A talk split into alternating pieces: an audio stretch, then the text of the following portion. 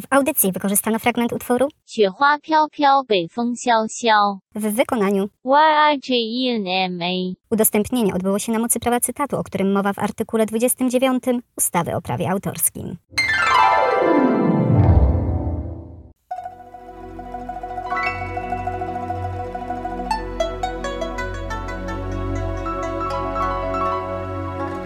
Kiedy wpiszecie sobie w okienko wyszukiwarki hasło, jaki jest najbardziej japoński obraz, to idę o zakład, że po naciśnięciu klawisza Enter w mig wyświetli się Wam zwielokrotniony wizerunek wielkiej fali.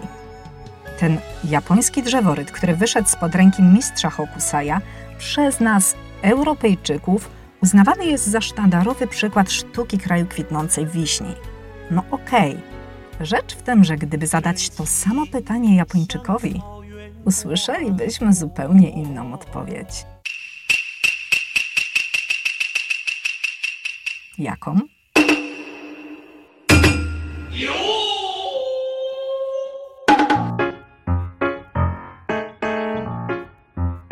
Jaki jest najsłynniejszy japoński obraz? Czy Fuji może być mała? I jak to możliwe, że japoński mistrz Edo malował sprośne obrazki? O tym opowiem za moment. Nazywam się Agnieszka Kijas i jestem krytykiem sztuki, a wysłuchacie kolejnego podcastu z serii Dawno temu w sztuce. Czyli wszystko, co chcesz wiedzieć o malarstwie, ale bez nadęcia.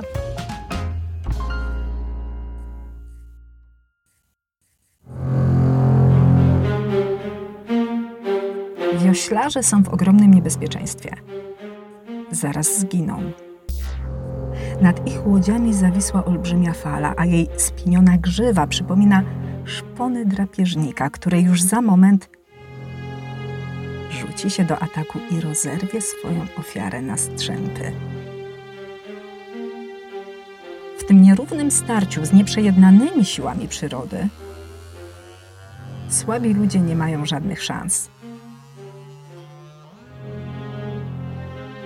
Tam w oddali widać ośnieżony szczyt świętej góry Fuji.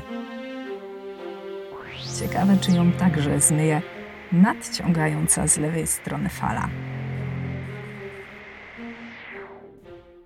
No i mniej więcej to widać na obrazku, o którym dzisiaj będę Wam opowiadała. I ktoś może powiedzieć, no wielkie mi rzeczy. Potężna fala załamuje się nad rybackimi łodziami, no i, no i co? No, no, no co? No co tutaj więcej może się wydarzyć? Przecież wiadomo, że za moment dojdzie do katastrofy. Wiecie, dziś takie ujęcia nie dziwią, bo przyzwyczaiło nas do nich kino, przyzwyczaiła nas fotografia, bo to jest tak, jakby ktoś zatrzymał film na ekranie na jakimś decydującym momencie. Taka stop-klatka, coś jak stop-klatka. I ja mówię, zgoda, okej, tylko przy tym wszystkim pamiętajmy, że ta przejmująca wizja starcia człowieka z naturą nie powstała dzisiaj, nie powstała na potrzeby kina. Ona powstała przeszło 180 lat temu, a zatem w czasach, kiedy jeszcze nikomu nie śniło się ani o kinie, ani nawet o takiej fotografii, jaką znamy dziś.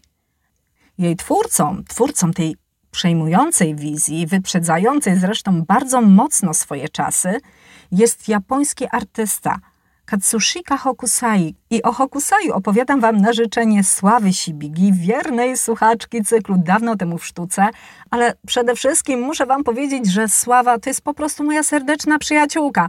I muszę Wam jeszcze dodać, że Sława to chyba naczekała się na ten podcast najdłużej, bo temat zgłosiła mi późną wiosną, gdzieś tak w okolicy maja, a okazuje się, że dopiero dzisiaj o tym nagrywam, bo dopiero dzisiaj jest do tego dobra okazja. Właśnie teraz, kiedy gdzie niegdzie już popruszył śnieg, mamy grudzień, myślę, że to jest właśnie dobry moment, żeby opowiedzieć Wam o wielkiej fali. Dodam tylko, że Sława jest utytułowaną poetką haiku, a o haiku, tej bardzo specyficznej formie poezji, jeszcze dzisiaj sobie porozmawiamy. Natomiast cały czas czekam na Wasze zgłoszenia tematów do malarskich audycji. Przyjmuję je oczywiście na moim facebookowym fanpage'u, który nazywa się dokładnie tak samo jak ten kanał, czyli dawno temu w sztuce. Jestem też na Insta, zatem śmiało odwiedzajcie mnie na tych kanałach, piszcie do mnie, bo co prawda kolejka jest spora, ale spoko, spoko, ogarnę, wszystko będzie. Przed nami na pewno jeszcze Kossakowie, Picasso, Rembrandt, Beksiński. Tutaj szykuję niespodziankę, nie wiem czy wypali, Boznańska, Matisse, a także wielu, wielu innych wspaniałych twórców. A dziś... A dziś zaleje nas wielka fala. I śmiało mogłabym powiedzieć, że jest to wielka fala kopii i reprodukcji. Aha, bo ten obraz, wielka fala, jest po prostu wszędzie. W sieci co róż można się natknąć na jego liczne parodie, przeróbki, no takie wiecie, zmyślne graficzki, które mają po prostu wprawić w nas w dobry nastrój. Wyobraźcie sobie na przykład, że raz taka złowroga fala staje w szaranki z Godzillą, po drugiej stronie jest Godzilla, no normalnie znajdujemy się na takim ringu, i ta sama fala wciela się w rolę przewracanego na patelni omleta. To mi się szczególnie podoba. Jest ona też oczywiście elementem bardzo często powielanym i reprodukowanym na niezliczonej ilości gadżetów, od koszulek, kubków, na skarpetkach skończywszy. I osobiście nigdy nie uważałam wykorzystywania wielkiej fali ani żadnego innego obrazu za jakieś specjalne nadużycie, bo ona mi się po prostu podoba w każdej postaci i w każdym wydaniu. Sama zresztą mam ją w domu jako taką reprodukcję na ścianie, a także mam te nieszczęsne skarpetki z wielką falą i mnie to nie boli. Choć wiem, że dla niektórych historyków sztuki, dla niektórych znawców, dla niektórych sympatyków malarstwa może być to pewien problem. Może być to kicz i to w czystej postaci. A ja jednak uparcie obstaję przy swoim i będę powtarzała do znudzenia, że sztuka powstała dla naszej przyjemności, że ma nas bawić. I tylko od nas zależy, tylko od ciebie zależy, czy te parodie będą cię śmieszyć, czy będą cię urażać. Natomiast ich ilość to na pewno dowód na to, że wielka fala zrobiła oszałamiającą karierę i myślę, że śmiało można tę karierę porównać do tej, jaką cieszy się Mona Lisa. Pomiędzy tymi dwoma obrazami jest tylko jedna dość istotna różnica. Popularność nie wyszła Monalizie na dobre. Mhm. Dziś nie możemy spojrzeć na ten obraz w taki sam sposób, w jaki widział go Leonardo. Mona Lisa to była zwykła kobieta z krwi i kości, która siedziała na krzesełku przed malarzem, ale my teraz tego nie widzimy. Owszem, twarz pięknej Włoszki, która uśmiecha się do nas z niezliczonej ilości reprodukcji, jest rozpoznawalna przez każdego, ale w tym całym mrowiu, w tym całym zalewie, w tej całej mnogości ucieka nam to, co najistotniejsze prawda. Prawda obrazu. Do tego stopnia, że mało kto wie, dlaczego właśnie ten portret, a nie inny stał się obiektem masowego kultu. W tej całej aferze z Monalizą najistotniejsze jest to, że jest to obraz, który można podziwiać tylko w jednym miejscu. W Louvre jest tylko jedna Mona Lisa i żeby ją zobaczyć, musisz pojechać do Paryża i odwiedzić Louvre. Nigdzie indziej nie zobaczysz Monalizy. Inaczej sprawy mają się z Wielką Falą. Jej bliżej jest do pop artu. Myślę, że to zaskoczy co po niektórych, ale tak, jej bliżej jest do Andy'ego Warhola, który w nieskończoność odbijał na płótnie konkretny motyw. Swoją drogą dajcie znać, czy chcecie usłyszeć o Warholu, bo mam tutaj bardzo dużo historii, którymi chętnie bym się podzieliła. W każdym razie Warhol robił taką masową produkcję, dajmy na to swoją zupę pomidorową, to multiplikował w nieskończoność. To była sztuka nastawiona na komercję, to była sztuka nastawiona na zarobek. I dacie wiarę, że dokładnie te same powody kierowały 180 lat temu Hokusajem i jego wydawcą. Zresztą, dokładnie tak samo jak w wypadku Warhola, Wielka Fala nie jest oryginałem, jest odbitką. Mówimy tutaj o drzeworycie i w ogóle to słowo drzeworyt ma dwa znaczenia. Po pierwsze, ono określa tę technikę wytwarzania, ten cały proces, o którym zresztą już za chwilę Wam szerzej opowiem, ale Także drzeworyt to jest ten obrazeczek, ten produkt finalny, to co powstaje w wyniku techniki drzeworytu. I aby taki drzeworyt się pojawił, to musiały się zebrać cztery osoby. Artysta, który tworzył rysunek, drugą osobą był rytownik, który rzeźbił matrycę, potrzebny był też drukarz oraz wydawca, który za to wszystko płacił. I gdybyśmy mieli to tak rozebrać na czynniki pierwsze i po kolei opowiedzieć, jak wyglądał ten cały proces, to zaczynało się wszystko od artysty, ponieważ to właśnie on tworzył na kartce szkic. I to była ta baza. Ten szkic zanosił kolejno do rytownika, a ten naklejał go na taki drewniany blok, a następnie kreska po kresce, linia po linii, rzeźbiarz przenosił każdy detal z tego rysunku na kloc. Musiał być przy tym bardzo uważny, bardzo precyzyjny, bo po prostu nie mógł wyjechać za linię. To tak jak my, kiedy kolorowaliśmy jakieś obrazki, wyjechanie za linię, no to był już po prostu koszmar. Tu jest tak samo. I w trakcie, gdy on wycinał ten szablon, to ten oryginalny rysunek naklejony na kloc, który był stworzony ręką artysty, po prostu ulegał zniszczeniu, bo on służył jako szablon do odrysowania. Zatem nie ma oryginału i dlatego mówi się, że drzeworyt to sztuka wielu oryginałów, albo jak kto woli, wielu kopii. Następnie, kiedy już ta matryca była gotowa, do procesu włączał się drukarz. Pokrywał on kloc farbą i drukował odbitkę. I ta pierwsza odbitka to był taki wydruk próbny, który służył temu, żeby autor, ten artysta, mógł dokonać wyboru kolorów. I potem wycinano kolejne kloce drewna, po jednym dla każdego koloru, a w wypadku wielkiej fali było ich aż dziewięć.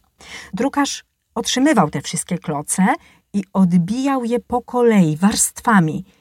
I tak dopiero powstawała gotowa reprodukcja. No, a właściwie reprodukcje, bo to była produkcja taśmowa, drukowano po kilka tysięcy takich kopii, a odbitki tworzono tak długo, dopóki ludzie je kupowali. Ewentualnie dopóki kloce się nie zużyły, no bo wówczas też już nie było co odbijać. A wierzcie mi, że takie popularne kolekcje jak ta, z której pochodzi Wielka Fala, no to one naprawdę były wydawane w dziesiątkach tysięcy i te klocki się po prostu zjeżdżały. Niekiedy trzeba było rzeźbić je na nowo. I to właśnie te drzeworyty, ta masowość drzeworytów uratowała Hokusaja.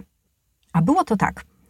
Hokusai jako nastoletni chłopak został drzeworytnikiem, a że miał talent i zacięcie, to szybko odniósł sukces. On potrafił namalować wszystko. Słuchajcie, kwiaty, żółwie, bażanty, a nawet pikantne erotyki. I tak pikantne, że tak na dobrą sprawę to ja mówię tutaj o takim hard porno. Po prostu oczy mogą wam wyjść ze zdziwienia z orbit. No, nie tylko się zarumienicie, wierzcie mi, bo to jest chyba takie fajne potwierdzenie tej mojej zasady, że artyści to zwykli ludzie z krwi i kości. Nie idealizujmy ich za bardzo. Tak, Hokusai malował świńskie obrazki, mhm, ale jednocześnie był wielkim artystą. Po prostu takie było zapotrzebowanie, taki był popyt. No to on tworzył i zarabiał, bo z tego była kasa i już. I nie ma co się czarować, nie ma co udawać, nie ma co przymykać oczu. Tu chodziło o pieniądze. Nasz artysta wyrobił sobie nazwisko, zdobył prestiż i to pozwoliło mu wieść naprawdę dostatnie życie. Do czasu. Gdy miał 70 lat, zamiast odcinać kupony od swojej kariery, musiał ponownie zakasać rękawy i wziąć się do roboty. Okazało się, że jego wnuk przetracił wszystkie jego pieniądze i Hokusai naprawdę nie miał lekko. Pisał tak. Tej wiosny nie mam grosza przy duszy, odzienia ani strawy. Straciłem nawet dach nad głową. Faktycznie, zamieszkał w świątyni i by wydostać się z nędzy, wrócił do fachu. I to był strzał w dziesiątkę. Hokusai znalazł wydawcę i wspólnie wpadli na pomysł, by wydrukować serię prac przedstawiających górę Fuji. To był naprawdę doskonały plan, ponieważ w pierwszej dekadzie XIX wieku Fuji uznawano za opiekuńcze bóstwo. Tam biły dzikie tłumy pielgrzymów i dla nich drzeworyty były czymś na kształt dzisiejszej pocztówki z podróży. Co więcej, do tej serii, którą wydał Hokusai, czyli do serii, na którą składa się 36 krajobrazów ze świętą górą Fuji, użyto nowego i bardzo modnego wówczas pigmentu. Był to błękit pruski. I jedną z powstałych właśnie w ramach tego cyklu rycin jest wielka fala. Na pierwszym planie widzimy ogromną falę stożkową, która załamuje się nad trzema rybackimi łodziami. Wygląda to jak stopklatka w filmie. Fala zatrzymana w czasie na chwilę przed opadnięciem. Ale nie jest to statyczny krajobraz. My wiemy, że on za chwilę się zmieni, że za chwilę fala ruszy i przyniesie śmierć skulonym na łodziach wioślarzom. I tylko święta góra Fuji w tle wciąż będzie stała niewzruszona. Taki jedyny stały punkt wszechświata. I teraz tak, zatrzymajmy się na chwilę na tej Fuji. Góra Fuji. To jest największa góra japońskiego krajobrazu i dla Japończyków jest ona szczególnie ważna. Wręcz uważano ją za opiekuńcze bóstwo, a popatrzcie, co z nią zrobił Hokusai. U niego ona jest maluteńka, wręcz tycia. I przy tej wielkiej fali sztormowej wygląda jak jakiś karzełek, lilipucik. A przecież dla Japończyków Fuji nie może być mała. To święta góra, ona ma być gigantyczna. Dlatego też, gdybyśmy zapytali Japończyka, jaki jest jego zdaniem najbardziej japoński obraz, to najprawdopodobniej wcale nie wskazałby on na wielką falę, a na zupełnie inny drzeworyt na czerwoną Fuji. Pochodzi ona z tego samego cyklu co Wielka Fala, ale w odróżnieniu od tej malutkiej koleżanki, tu Święta Góra zajmuje niemal całą przestrzeń obrazu. To olbrzym. Ogromna, płonąca czerwienią Fuji, która dominuje na tle lazurowego nieba, na którym gdzieniegdzie usiane są białe obłoczki. I kiedy popatrzymy na ten obraz, to możemy wręcz odnieść takie wrażenie, że tutaj jest sporo abstrakcji. Tak, takie plamy koloru, no dosłownie wow! Cały widz polega na tym, że nie do końca taką wizję chciał nam przekazać artysta. Oryginalnie Fuji wcale nie miała być czerwona.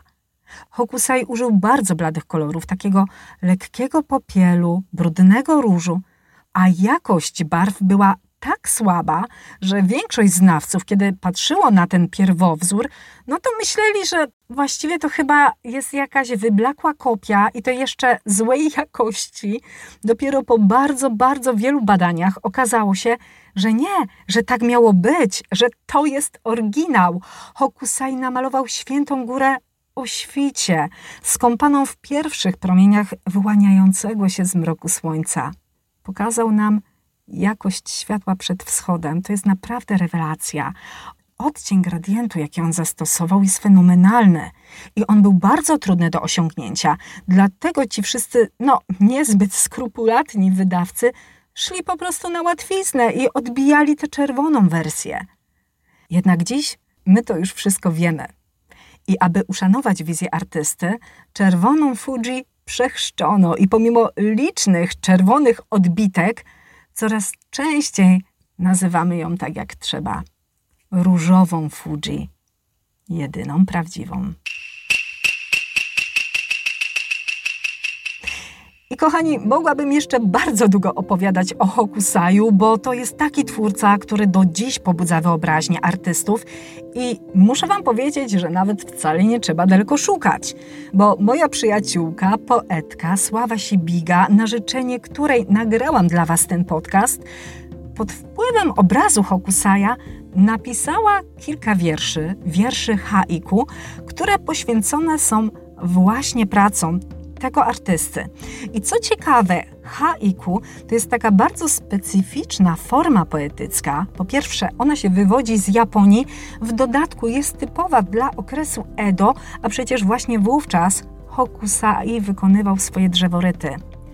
Tylko proszę skupcie się, bo to będzie dosłownie mgnienie, ledwie 17 sylab. Wiersze haiku składają się z trzech wersów, które właśnie łącznie mają dawać taką ilość sylab 17. To jest bardzo mało. Ale szerzej opowie Wam o tym sama poetka. Tymczasem ja się już z Wami żegnam. Kolejny odcinek wyjątkowo nie pojawi się w czwartek, bo to Wigilia, ale myślę, że w te święta uda się coś nagrać. Może w pierwszy, może w drugi dzień świąt. Przynajmniej tak się nastawiam. Zatem nie obiecuję, ale życzę już dzisiaj Wam wszystkim wesołych, szczęśliwych, przede wszystkim zdrowych i pełnych rodzinnego ciepła świąt Bożego Narodzenia. Życzę Wam, żeby przez tych kilka dni w roku miejsce szarej prozy życia zajęła poezja. Taka jak ta wyrażona w wierszach Sławy Sibigi. Taka jak ta wyrażona w dźwiękach Hani Derej, młodej kompozytorki z Tychów, której muzykę słyszycie w tle. Do usłyszenia. Mówiła dla Was Agnieszka Kijas, krytyk z sercem do sztuki.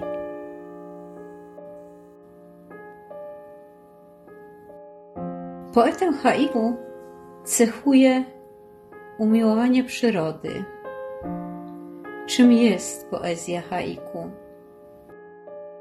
Jest to utwór krótki, nierymowany, zapisany w 17 sylabach w układzie 5, 7, 5.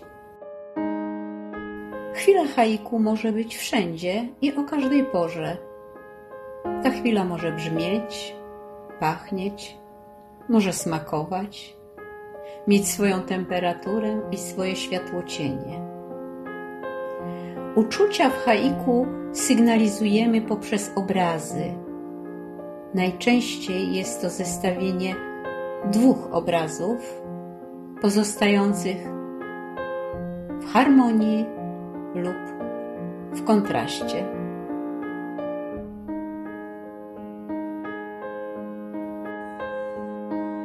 Wysoka fala. Rybacy tracą z oczu górę Fuji. Fuji. Ułożone w stożek płatki śniegu.